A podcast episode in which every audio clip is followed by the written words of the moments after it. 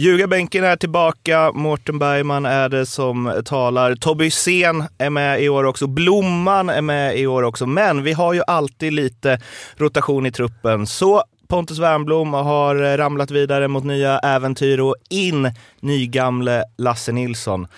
Mer background kring det får ni i första ordinarie avsnittet den här säsongen. Men nu är det lagavsnitt.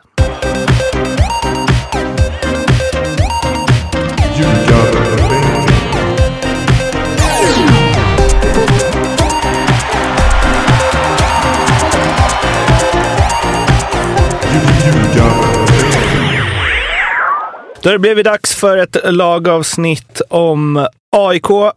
AIK de slutade femma förra säsongen. De gjorde 45 mål, släppte in 36 och eh, samlade ihop 50 poäng. Tobbe och Lasse ska ge betyg på varje lagdel. Det är 1 till eh, 5 som gäller. 1 underkänd, 2 godkänd, 3 bra, 4 väldigt bra, 5 mästerligt. Sen ska vi också ta och ringa upp eh, Micke Lustig för att höra lite hans syn på Gnaget. Och sen så blir det även eh, säsongsspel, både från Tobbe, Lasse och Blomman. Vi börjar med eh, målvakterna eftersom man brukar göra så. Då är det Kristoffer Nordfeldt och Budimir Janosevic. Ja, och eh, vi ska gå hårt ut från början här. Jag eh, sticker ut haken och säger att Kristoffer Nordfeldt kommer vara bäst i Allsvenskan i år. Så att jag har satt en femma på honom. Eh, han har varit landslagsmässig eh, under många år. Hade kanske en liten dipp förra året, eh, men jag tror att han kommer studsa tillbaka och vara en av de absolut bästa, om inte den bästa målvakten i Allsvenskan i år. Och Janosevic vet vi ju när han får chansen så. Ja, men stabil, ja, stabil backup, mm. absolut. Ja, ja, nej, absolut. Men det är klart att skulle Nordfeldt skada sig så är ju inte betyget fem. Nej. Men, men eh, att han kommer in och, och tar de matcherna om det skulle bli något rött kort eller någon liten skada, det, det är jag helt övertygad om att han löser med, med, med den äran. Liksom. Eh, men femman är ju baserad framförallt på Kristoffer Nordfeldt. Lasse? Uh, ja, målvakter är ju som sagt min specialitet. Mm det har vi pratat en del om. Men jag har faktiskt satt en 4,5 på Kristoffer där framförallt. Men det känns väl som att, att jag är beredd att hålla med Tobbe om det mesta. Mm. Känns fel att hålla med om allting, men ja. i det här fallet, ja. Just målvakter Ja, det, det, där jag, är Tobbe stark liksom. också. Ja, exakt. det är det han kan. Eller hur? Stod ändå i mål en gång, bröt näsan direkt.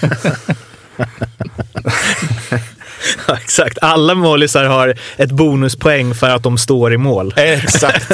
ja, men sen, jag måste bara flika in det. Jag tycker Nordfeldt, han ser ju jävligt bra ut när han står i det där målet också. Verkligen. Alltså, alltså... Bara när, alltså, en sån grej som man, när han rullar ut bollen. Ja. Det är stilrent. Det får man ge honom. Ja, och sen så sopar han ju iväg en inspark till straffområdet på andra sidan också. Mm. Ja. Han kommer ha, får de lite stäm där så kommer han ha minst två assist i år också.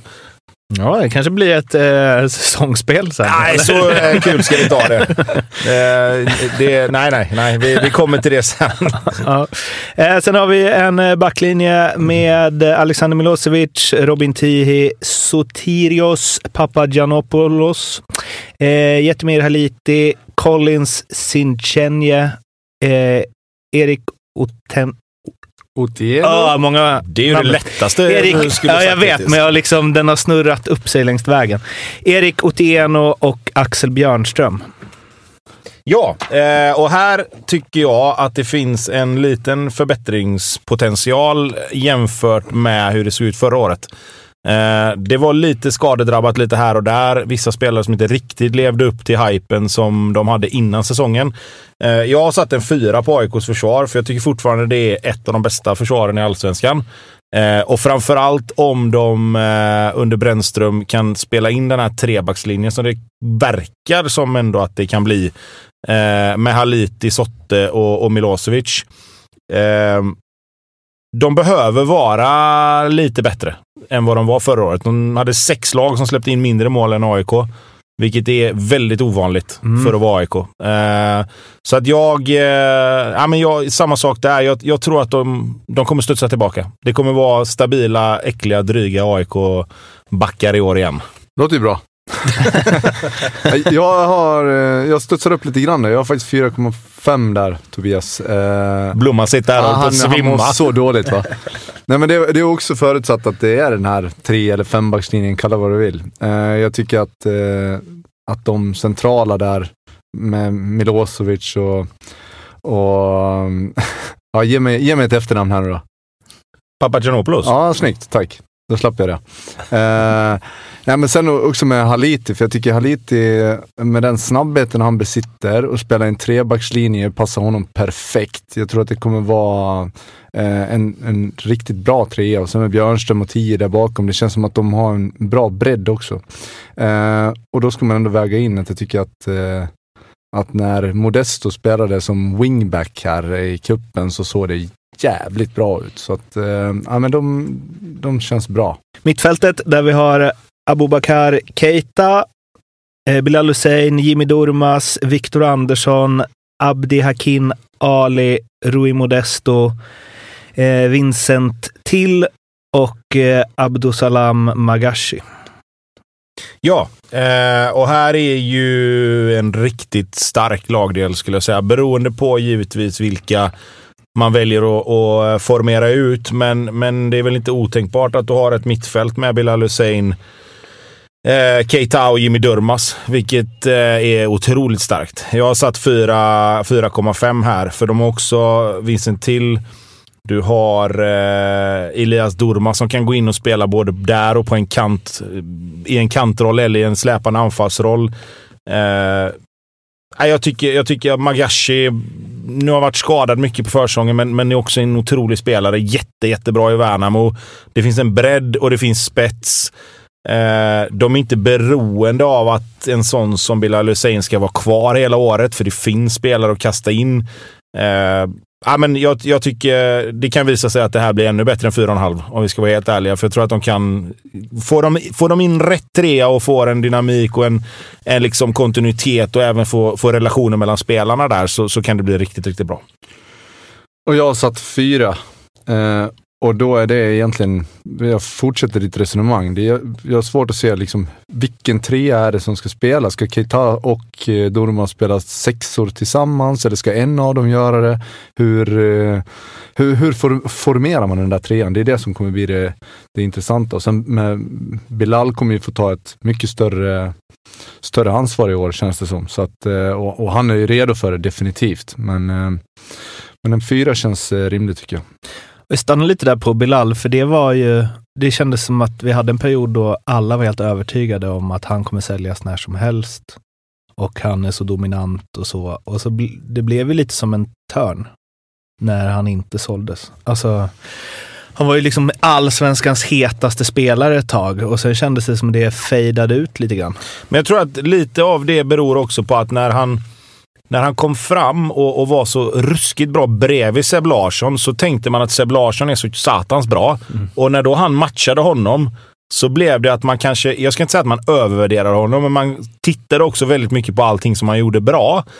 Sen när det blev att den, alltså den liksom styrkeförhållanden mellan Bilal och Seb, de jämnade ut sig.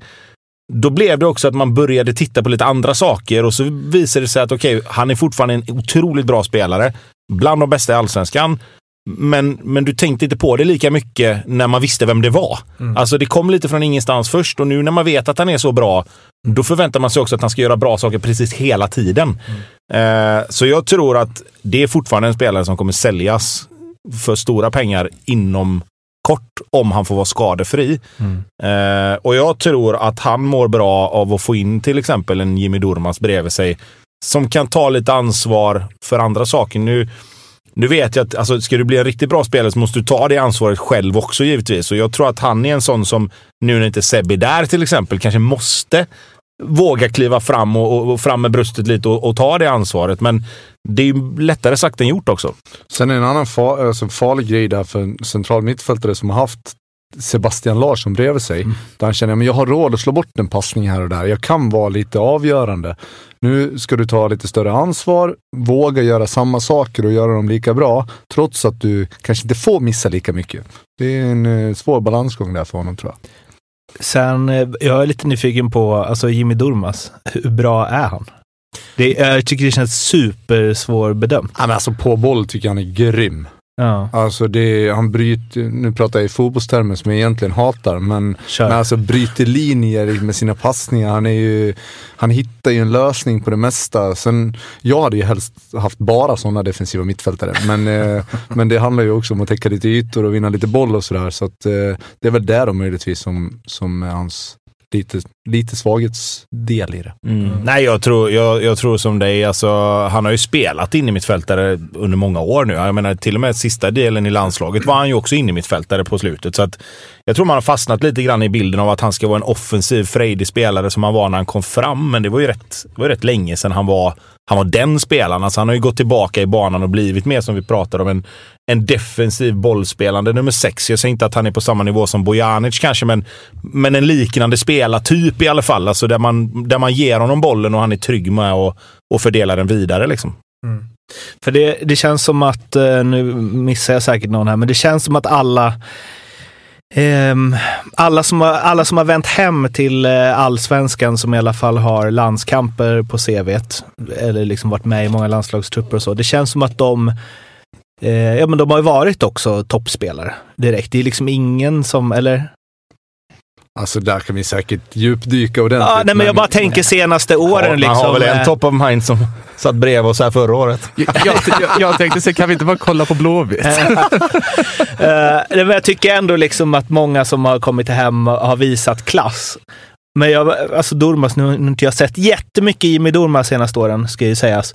Men liksom 34 bast och ska in och liksom ändå fylla, no, även om han inte är samma spelartyp, han ska ändå fylla någon form av lucka efter Sebastian Larsson. Alltså ledare och liksom med den erfarenheten. Alltså, är det givet att han går in och bara dominerar i Gnaget? Jag, jag tror inte han kan fylla Sebastian Larssons skor. Om det nu är något form av mål de har. Liksom. Jag, jag, ser, jag ser Sebastian Larsson som en betydligt bättre spelare än Domus. Jag tycker det ser det går för långsamt och det kommer inte gå snabbare. Nej men det, det är väl just det där att, det, att försöka att jämföra honom med Sebastian Larsson, då tror jag att då får alla problem. Det, det går liksom inte. Men däremot kan man hitta en konstellation där han har till exempel då eh, en Keita bredvid sig, där han inte behöver ta lika mycket ansvar i att i att vinna boll och täcka ytor och så vidare och få vara den här, den här som sköter eh, alltså, uppspel och vara den här sköna på boll, för där är han ju suverän. Mm. Nej, men sen också tror jag att det, det vi ska komma ihåg också att många gånger när Sebastian Larsson och Bilal Hussein spelade så var det ju bara de två. För de var så satans bra att de löste det själva de två. Nu är de ju tre för det mesta. Du har ju en spelare, sen om du väljer att sätta spetsen bakåt på mitten och spela med en sexa och två åttor. Eller om du spelar med, om man säger då en sexa, åtta eller två sexor och en tia istället på mitten.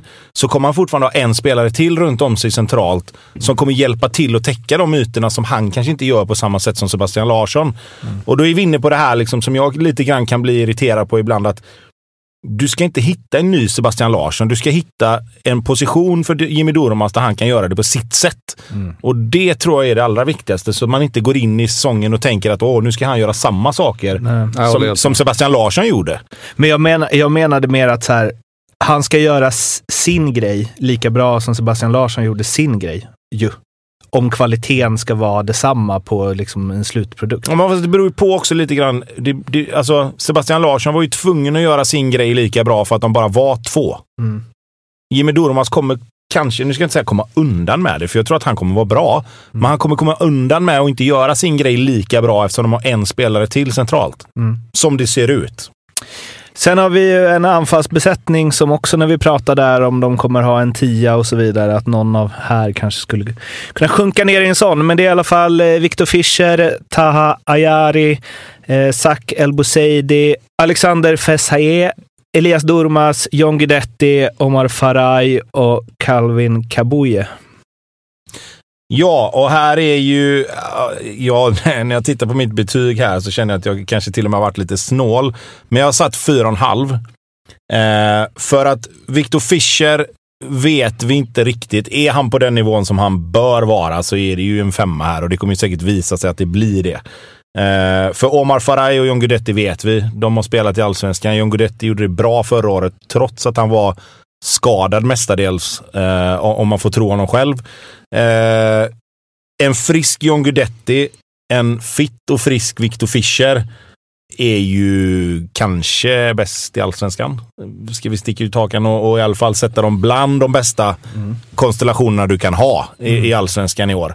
Eh, och sen då en Omar Faraj dessutom som kommer in lite arg och irriterad för att han inte får spela från start kanske så mycket och, och, kommer in och bara hästar in mål som, som inhoppare liksom. Eh, det, det, finns alla möjligheter att det här blir en femma redan efter ett par omgångar här. Mm. Eh, ja, jag har också fyra och en halv. Eh, och eh, det är ju samma, samma resonemang egentligen eh, runt hur, hur, pass, hur pass fysiskt eh, fit är de här två. Eh, jag har sett lite i kuppen och det är klart att ser ju rätt bra ut mot Östersund borta, eh, mot ett halvblekt Östersund och, och det, väl, det, kan man ju kräva av dem. Eh, jag tror att Guidetti haft en hel del målchanser i kuppen, bränt en del. Jag tror att eh, får han peta dit några i början av allsvenskan, då tror jag att det kan finnas en skytteliga där. Eh, till och med. Eh, och sen är det ju, håller eh, Håller, håller de sig friska, håller de sig hela? Eh, och sen också beroende på vad är det för, vad är det för uppställning. Är det två anfallare? Är det en, är det en tia? Ska det vara en ensam? Om man kollar på Elias Dormas så tror jag att han, ska, ska de få mest nytta av honom så är det ju en, en, kanske nästan en ytterroll eller som en tia-roll. Eh, eh. Och då är frågan, vem byter man ut då? Eh, ska Faraj spela? Då får man kanske lite mer djupledsspel, men det är väl möjligtvis det då. Det här det här ständiga tjatet om djupledshot, där tycker jag att de kanske inte känns livsfarliga. Inte i nuläget i alla fall. Sen det här med skadehistoriken, eh, alltså är inte det, för det, blir, det är alltid när man pratar om sånt här, så det slutar ju aldrig med bara, nej, de spelade alla 30 matcherna. Det var inga problem. Ingen blev skadad. Det, alltså, för mig, det är omöjligt för mig att säga att Guidetti ska vara startklar alla matcher.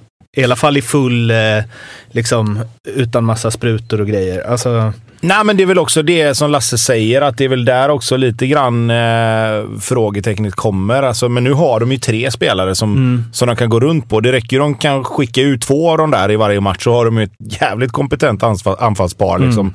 Och sen dessutom då som vi sa så har du ju liksom du har ju Elias Durmas som, som spännande som har gjort det bra liksom, utifrån sina förutsättningar i kuppen och, och liksom ser spännande ut även på den här nivån. Alltså man var ju lite orolig hur det skulle gå i början. Är han så bra som, som man tänker att han ska vara? Um, men det och, handlar ju ofta om första touch. Man ser att Elias, även i, om det sen är division 1 till allsvenskan, har du den där touchen på bollen. Du har en vision hela tiden när du, när du får den. Eh, du har ett spelsinne. Då klarar du det ganska bra även en, en och kanske till och med två nivåer upp. Men, men det är klart att han kommer inte vara han kommer inte vara starta så jättemånga matcher för AIK. Nej, men sen är det också, säg att både Fischer och Guidetti skulle vara indisponibla. Då får de väl kanske gå ifrån sitt tvåmananfall och spela lite mer som du sa, ja, kanske, kanske med en liten släpande eller droppande anfallare då, då. Eller kanske till och med gå mer mot en 3-4-3-variant där du sätter lite mer centrerade ytterforwards och så låter du ytterbackarna eller wingbacksen gå ännu mer offensivt. Alltså det, det går ju att skruva på det där med, med, med formationer och uppställningar med så länge du liksom på något sätt spelar hyfsat likadant. Ja, men det råder i alla fall inga tvivel om och håller eh, Fischer sig fräsch och dessutom kanske, han såg lite tung ut kanske i några av matcherna sådär, men det är ju en, det är en ruggigt bra fotbollsspelare. Har han motiva är han motiverad och orkar liksom hålla kroppen i, i skick, då kommer han vara grym för AIK. Tränare Brännan har ju Brännström, tagit över. Ja, precis. Eh, jag har satt fyra här och här är jag väl lite kanske tvärtom då. Han har gjort det bra, men han har ju fortfarande inte riktigt kanske blivit testad heller. Han, nu är det upp till bevis lite tycker jag. Eh, nu har han fått eh, storklubben som alla har pratat om i ganska många år. Uh, nu är det inte Jönköping Södra eller, eller Mjällby längre. Liksom. Med all respekt åt Mjällby som har tagit sig till cupfinal och gjort det skitbra. Men det är en helt annan sak att, att kliva in på, på Karlberg och, och träna AIK, liksom, som är en av de största, om inte kanske den största klubben i, i Sverige. Blomman tittar på mig och var redo att döda mig här nu. Men, det har varit mycket sådana där blickar hittills. Ja, men precis. Men, men rent, rent framgångsmässigt kanske inte såklart. Det, det går ju att mäta. Alltså, så är det ju. Men, men med allting som kommer runt omkring klubben så, så är det inte helt långt ifrån sanningen skulle jag säga. Och det kommer han att märka om det blir 0-1 i en premiär. Eh, så att, ja, som sagt, lite upp till bevis. Han har gjort det jävligt bra hittills. Det blir det också va? 0-1 i premiären. Känns... Och det är bara för att man ska liksom få igång allt det där. Gärna Fischer, Guidetti, mållösa det. Alltså, och jag tycker, det har vi pratat om förr, jag tycker det har stökats för lite kring laget. Nu har det ändå varit det lite... Det behöver ju blåsa för ja, att de ska vara bra också. Verkligen. Eller hur? Det ska vara det ska vara hela havet stormar där. Halmstad borta i premiären. Ja. Långt inkast. Precis. Andreas Johansson skallar in en hörna. Typ. Friberg från eh, Skövde där, ja. kastat i bortre stolpen och Andreas ja, kommer och knoppar dit den. Ja. På, på skarv ifrån Granat. Ja. där har du det. ja, Lasse, vad har du ja, det var på jag. brännan? Ja, just det. Uh, ja, uh, Ja, det är ju rätt kul. Jag kommer ihåg första gången jag träffade Brännström, då, då var han tränare för, för Dalkurd. Mm. Tillsammans med Mesut Meral, som man även har med sig i AIK nu. Mm. Eh, satt och käkade kebab på en av Adil Kisils restauranger eh, i Kupolen. och Andreas berättade om eh, ja, hans stora fina planer för mm. fotbollen. Han är ju eh, fantastisk att lyssna på. Det är en härlig karaktär. Sen tror jag också, jag sa tre och en halv. Jag tror att eh, det här blir liksom lite av ett eldprov för honom att testa hur ska han hantera Eh, det, det, är ju lite skillnad när det, het, när det heter Giretti och Fischer och kanske eh, Dormas och så vidare. Hur hanterar du de delarna? För fotbollsmässigt, det, det, där har han alla kvaliteter som krävs. Men det är ju hur du hanterar en, en trupp och en grupp och framförallt stjärnorna. Så 3,5 med chans att bli en femma nästan. Nej, något sånt. Då har vi totalbetyg 22 av 25 från Tobbe, 21 av 25 från eh, Lasse. Nu har det blivit dags att ringa upp en person som bör ha ganska bra koll på AIK med tanke på att han spelade där i fjol. Nämligen eh, Mikael Big Mike Lustig. Hallå! Hallå Micke! Ja men tjena! Ljugarbänken är här, redo att ja, eh, grilla dig. Ja, kör på bara. Först måste man ju, nu när det liksom inte är jättelångt kvar till allsvensk start och Svenska cupen mm. har varit så, det här är liksom tomrummet inom spelare som precis lagt av. Börjar det, mm. börjar det kännas av nu? Uh, nej, alltså inte, med, inte fotbollen saknar jag inte nej. jättemycket så här, utan det är väl mer det sociala. Att mm. uh, träffa grabbarna liksom och, och veta att uh, du har något att göra på dagarna. Det, det, det är väl framförallt det.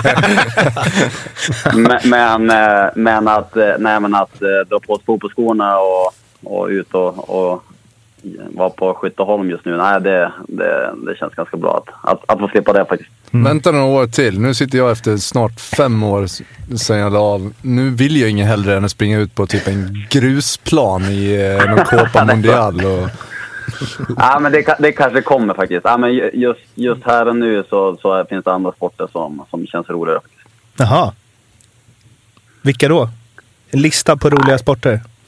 Ja, men eh, kanske framförallt golf. Nu är det inte golfväder, men eh, det, är det är väl det man ser fram emot nu. Eh, och det kanske var framförallt det man kände under sista året, speciellt eh, runt, runt eh, sommaren där, att eh, det hade inte varit helt fel att ta någon öl och spela lite golf istället för att... Fast golf har ju alltid varit roligare än fotboll. ja, faktiskt. Men det, alltså det är ju kanske det bästa tecknet på att det är dags att lägga av. När man... ja, men, ja, men verkligen. Ja, men så är det verkligen. Att ja. uh, suget uh, till andra grejer, att, att det börjar ta över, då vet man att då, då, är, det, då är det nog dags. Ja, Eh, suget efter öl och golf, när ni känner det, lägg av med det ni gör just nu. Eh, ja, då, är det nog, då är det nog många spelare som lägger av direkt. eh, ja, Tobbe, vill du börja med grillningen eller? Ja, men det kan jag väl göra. Eh, jag har ju lite grann eh, en undran som ska ta över i omklädningsrummet. Det finns ju givna svar givetvis, men jag tänker att du och mm. Seb var ju väldigt drivande där säkert. Eh, jag känner ju er båda två väldigt väl sen, sen tiden i landslaget och jag kan tänka mig att det blir ett tapp för dem. Men hur, hur, hur ser du att dynamiken kommer förändras i omklädningsrummet nu när ni två inte finns där längre? Uh, nej, men jag var lite orolig för det kanske. Eller kanske framförallt inte omklädningsrummet, för där är det alltid bra snack. Men det kanske är framför allt på, på träningsfältet. Eh, där vi kände att förra året så var det, det var samma grabbar varenda dag som fick dra det, det lasset. Att liksom hålla upp snacket och, och tagga igång grabbarna. Eh, vi hade ju väldigt ung trupp och dagens ungdom är väldigt bra på många saker, men just det kanske här verbala och, och verkligen ta för sig med, med snacket på planen. Där, där tycker jag att, att de har mycket att lära. Men nu har man ju faktiskt tagit in spelare kommer ta det snacket. Och jag menar, det, det, det finns många rutinerade spelare i, i AIK som var där förra året också. Så att eh, just i omklädningsrummet och de som kommer ta ton där, det, det kommer inte vara något problem. Det, det, det tror jag inte. Och, och, vilka ser du är de som kommer att, om man säger, ta ännu mer plats än, än kanske förra året då? Ännu mer plats vet jag inte, men John tar ju alltid plats. uh, den är maxad redan. ja, den är maxad redan. Uh, ja, men sen såklart Milosevic. Uh, vi har fått uh, Jimmy kommer in. så jag tror även han kommer känna att han har större ansvar nu än vad han kanske egentligen har haft tidigare i tidigare klubban om eh, Nordfält såklart också. Så att det, det, fin, det finns väldigt många. Sen får, får, vi se. Jag hoppas att de yngre killarna också, som till exempel Bilal Hussein, känner att det kanske är dags att steppa upp ytterligare eh, ett, eh, ett snäpp där. Så att det, det, det har han i sig och han, han, han är en viktig spelare för laget. Ja, jag hoppar på där då, Micke. Eh, mm. Vad eh, blir AIK ett, eh, ett mer offensivt lag nästa år? Jag, anledningen att jag frågar är för att eh, jag tänker en Durmas nu, Jimmy, känns ju mer som en sexa nu för tiden. Eh, ja. Och en spelfördelare. Och det är klart att om man då ska försöka jämföra, vilket man kanske inte ska göra, men, men om man tar Keita kontra Durmas så är det ju två helt olika fotbollsspelare. Kommer, vad, vad tror du om liksom, den offensiva, defensiva balansen? Uh, på svar på den första frågan, om det var mer offensivt lagt, det tror jag absolut. Uh, man har tagit in starka spelare i det offensiva spelet. Uh, om man kollar på AIK, de, de åren jag var där, så var det väldigt starka karaktärer i, det, i de defensiva leden som kanske... Ja, man, när man har spelat med, med offensiva spelare som är stjärnorna och, och som är de karaktärerna, då då följer man ju lite deras pipa. Liksom. De ser till att vi måste spela offensivare fotboll för att vi vill göra målen. Och då, de karaktärerna kanske var mer i de defensiva leden och då blev vi lite baktunga. Men med tanke på det spelartruppen och det spelarmaterialet man har nu så, så måste man nog spela en offensivare fotboll för det, det är där kvaliteten äh, finns. Så att äh, det, vi kommer nog absolut se ett, ett mer framåtlutat AIK, det, det tror jag. Men om vi, då, då bygger vi vidare med en grej till som, som eh, bara spinner vidare på det här med offensiven. Då. Eh, alltså på pappret så ser ju så ser anfallsbesättningen helt otroligt bra ut. Man fick in Omar mm. Faraj som var bra i Degerfors.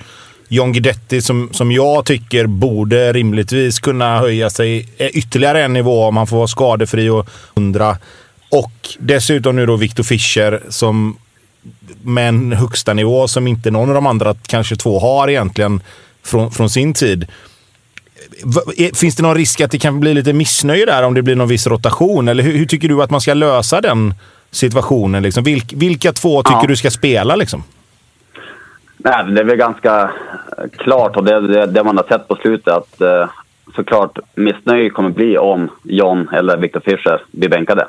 Det, det, så att den enkla vägen ut är väl att sätta Faraj på bänken så länge och eh, hoppas att eh, de andra gör så pass bra och ha en Omar Frey komma in och göra livet surt för, för de, det försvarande laget. Eh, så att eh, det är väl egentligen den enkla vägen att gå och som det har sett ut på, på försäsongen också så, så, tycker jag nog att det, det, är kanske det rätta valet just nu också. Jag tror att det blir lite, när, om vi, som vi snackade om innan, balansen, att hitta balansen så tror jag nog att att spela med alla tre, det, det tror jag inte att, att eh, Brännan kommer kommer göra. Eh, inte till en, till en eh, start i alla fall.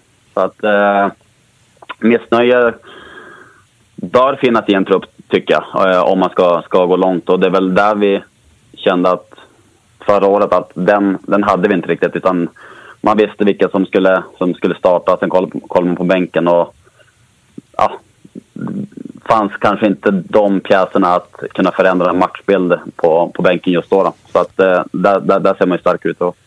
Jag håller inte riktigt med Tobbe. Jag tycker att det, det är så solklart vilka som ska spela och att det, det, känns som att man har värvat lite utifrån det också. Det känns inte som att Faraj kommer ha en Alltså han kommer inte gå och gnälla efter två omgångar för att han inte har startat liksom. Och sen har man värvat till exempel ja, Elias Dormas eh, från division 1 som i och för sig har gjort en supersäsong i Vasalund. Men, men det är ju inte heller någon som kommer gå och knacka på, på brännans dörr efter ett par veckor. Liksom. Nej, nej precis. Sen tror jag i och för sig att Viktor Fischer kom ju från ingenstans. Så att när, när mm. ja, Omar skrev på för AIK, då var ju verkligen det ja, okej okay, det kommer vara John och Omar kommer att spela tillsammans. För, för Brännan spelar med två forwards.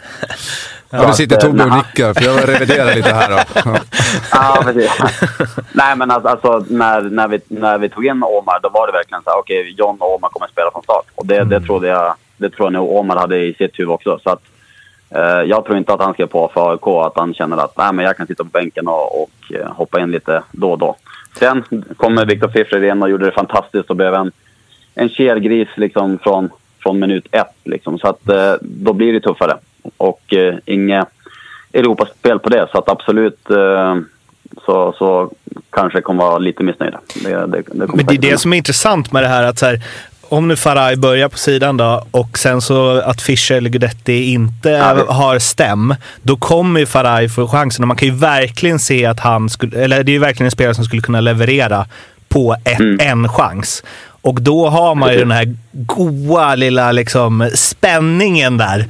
Att så här, de som tänker att de ska spela, som inte bestämmer. Alltså, och det är så jävla nice att AIK har gjort så här. För det är också AIK att, uh, att ha det så här. Alltså man kan ju se rubrikerna och jag skulle, om några månader. Nej, men och jag, skulle vilja säga, jag skulle vilja säga så här också att är det inte exakt så det ska vara jo, i AIK? Jo, jo, alltså det ska blåsa lite, det ska vara lite missnöjd, det ska vara spelare som är lite grann på skarven till och, och kanske säga någon grej lite för mycket. Det är ju då AIK mår som bäst mm. Det är nästan som man hade velat ha kvar eh, Micke och Seb så att det fanns liksom ett rutinerat garde som bara “Nej, nu ska vi spela mer defensivt grabbar” och sen ett offensivt gäng som tycker tvärtom. Ja. Äldre mot yngre på träning hade inte varit några problem att vinna då. Du. Nej, verkligen. Nej, men det, det är ju faktiskt riktigt intressant. Som du säger, om John eller Fischer skulle ha, ha det tufft så då börjar man ju kolla, okej, okay, kan vi få in alla tre? Men då, då kollar man på mittfältet där. Där är man ju också några för många nu, som man inte var förra året. Där har man en Dormas som ja, fick sitta på bänken mot Hammarby och det börjar liksom, klart, han var inte nöjd med det. Man har en Bilal Hussein som ska spela. Man har en Magashi som man tog in från Värnamo som har sett jättefin ut och sen har man en Keita. Så att eh, då måste ju kanske en eller två av dem flytta på sig. Så att, eh, det, det blir väldigt intressant. Så att, eh, där man hade hoppats på förra året. Att man skulle sitta två veckor innan och verkligen känna vilka kommer spela. Det kommer vara några tunga pjäser på, på bänken. Eh, så att eh, det, det känns bra faktiskt. Mm. Eh, avslutningsvis, om du eh, tvingas tippa var de mm. hamnar, vad säger du då? Uh, det, det, är så svårt, för jag tycker verkligen att egentligen alla lag i toppen har nästan blivit sämre, tycker jag. Eh, såklart Rydström kommer in i Malmö och de har väl såklart lite mer energi nu, men kollar man truppmässigt vad de stod, eh, vad de hade från starten förra året så tycker jag att det är, en, det är en sämre trupp. Eh, sen kommer de säkert göra något nyförvärv här. Det ryktas väl om att Ghoddos kommer komma in och helt plötsligt så känns väl de lite starkare. Men jag tycker Hammarby känns, känns svagare i år. Eh, häcken har väl sett otroligt ut. Det är väl de som som ser starkast ut. Då. Eh, så att, eh, det, är det som är så härligt med Allsvenskan.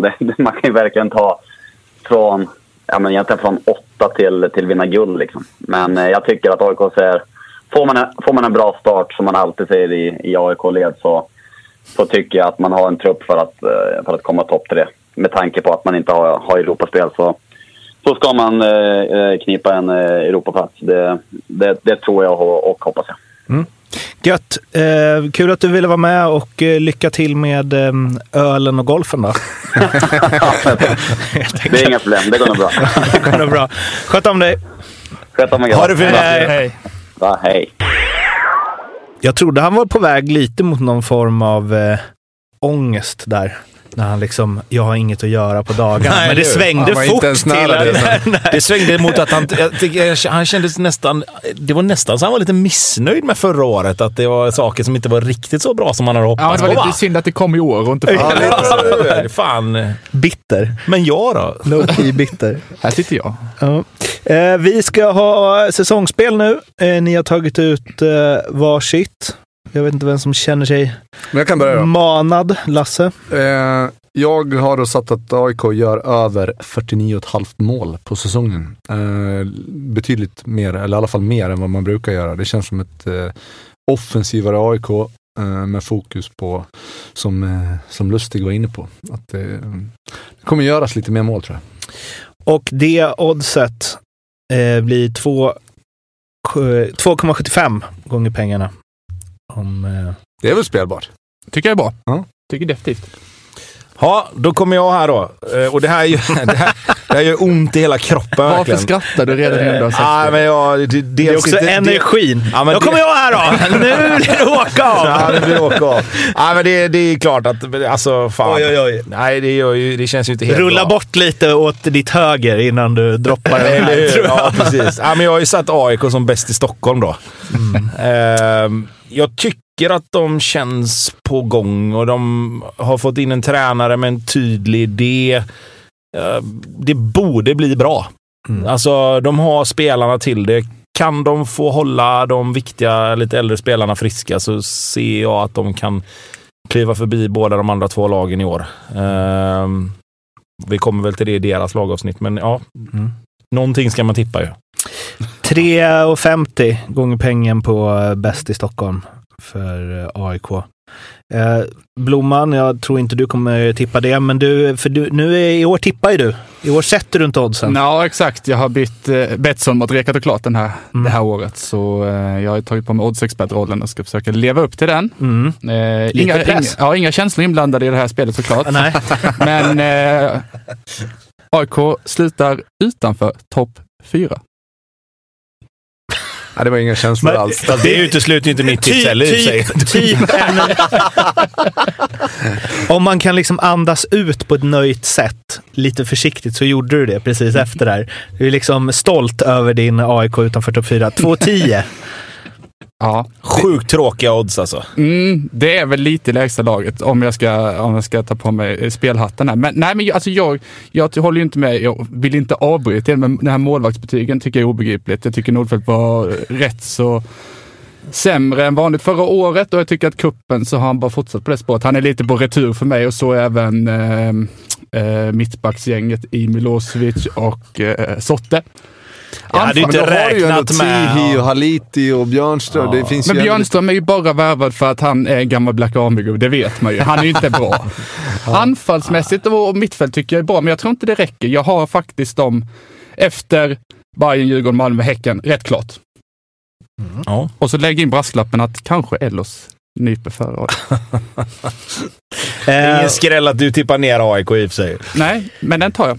Den tar du. Mm. Kan ni ha med er i beräkningen, ni som lyssnar på det här också. Eh, De här spelen finns eh, hos Betsson. Godbitar, ljugarbänken. Kom ihåg att spela ansvarsfullt. Du måste vara minst 18 år för att spela och behöver du hjälp eller stöd så finns stödlinjen.se. Lasse, var slutar AIK i tabellen? Trea. Tobbe? Tre. Fan vad ni är överens. Alltså. Sexa. Det är skönt att ha dig som en Dagens frisk fläkt här. leende. Eller hur? Eh, ja, eh, prenumerera gärna på podden, följ oss på Instagram och Twitter och lyssna på de andra lagavsnitten som kommer. Ha det gott, hej! Ha det fint. Hej! Hej.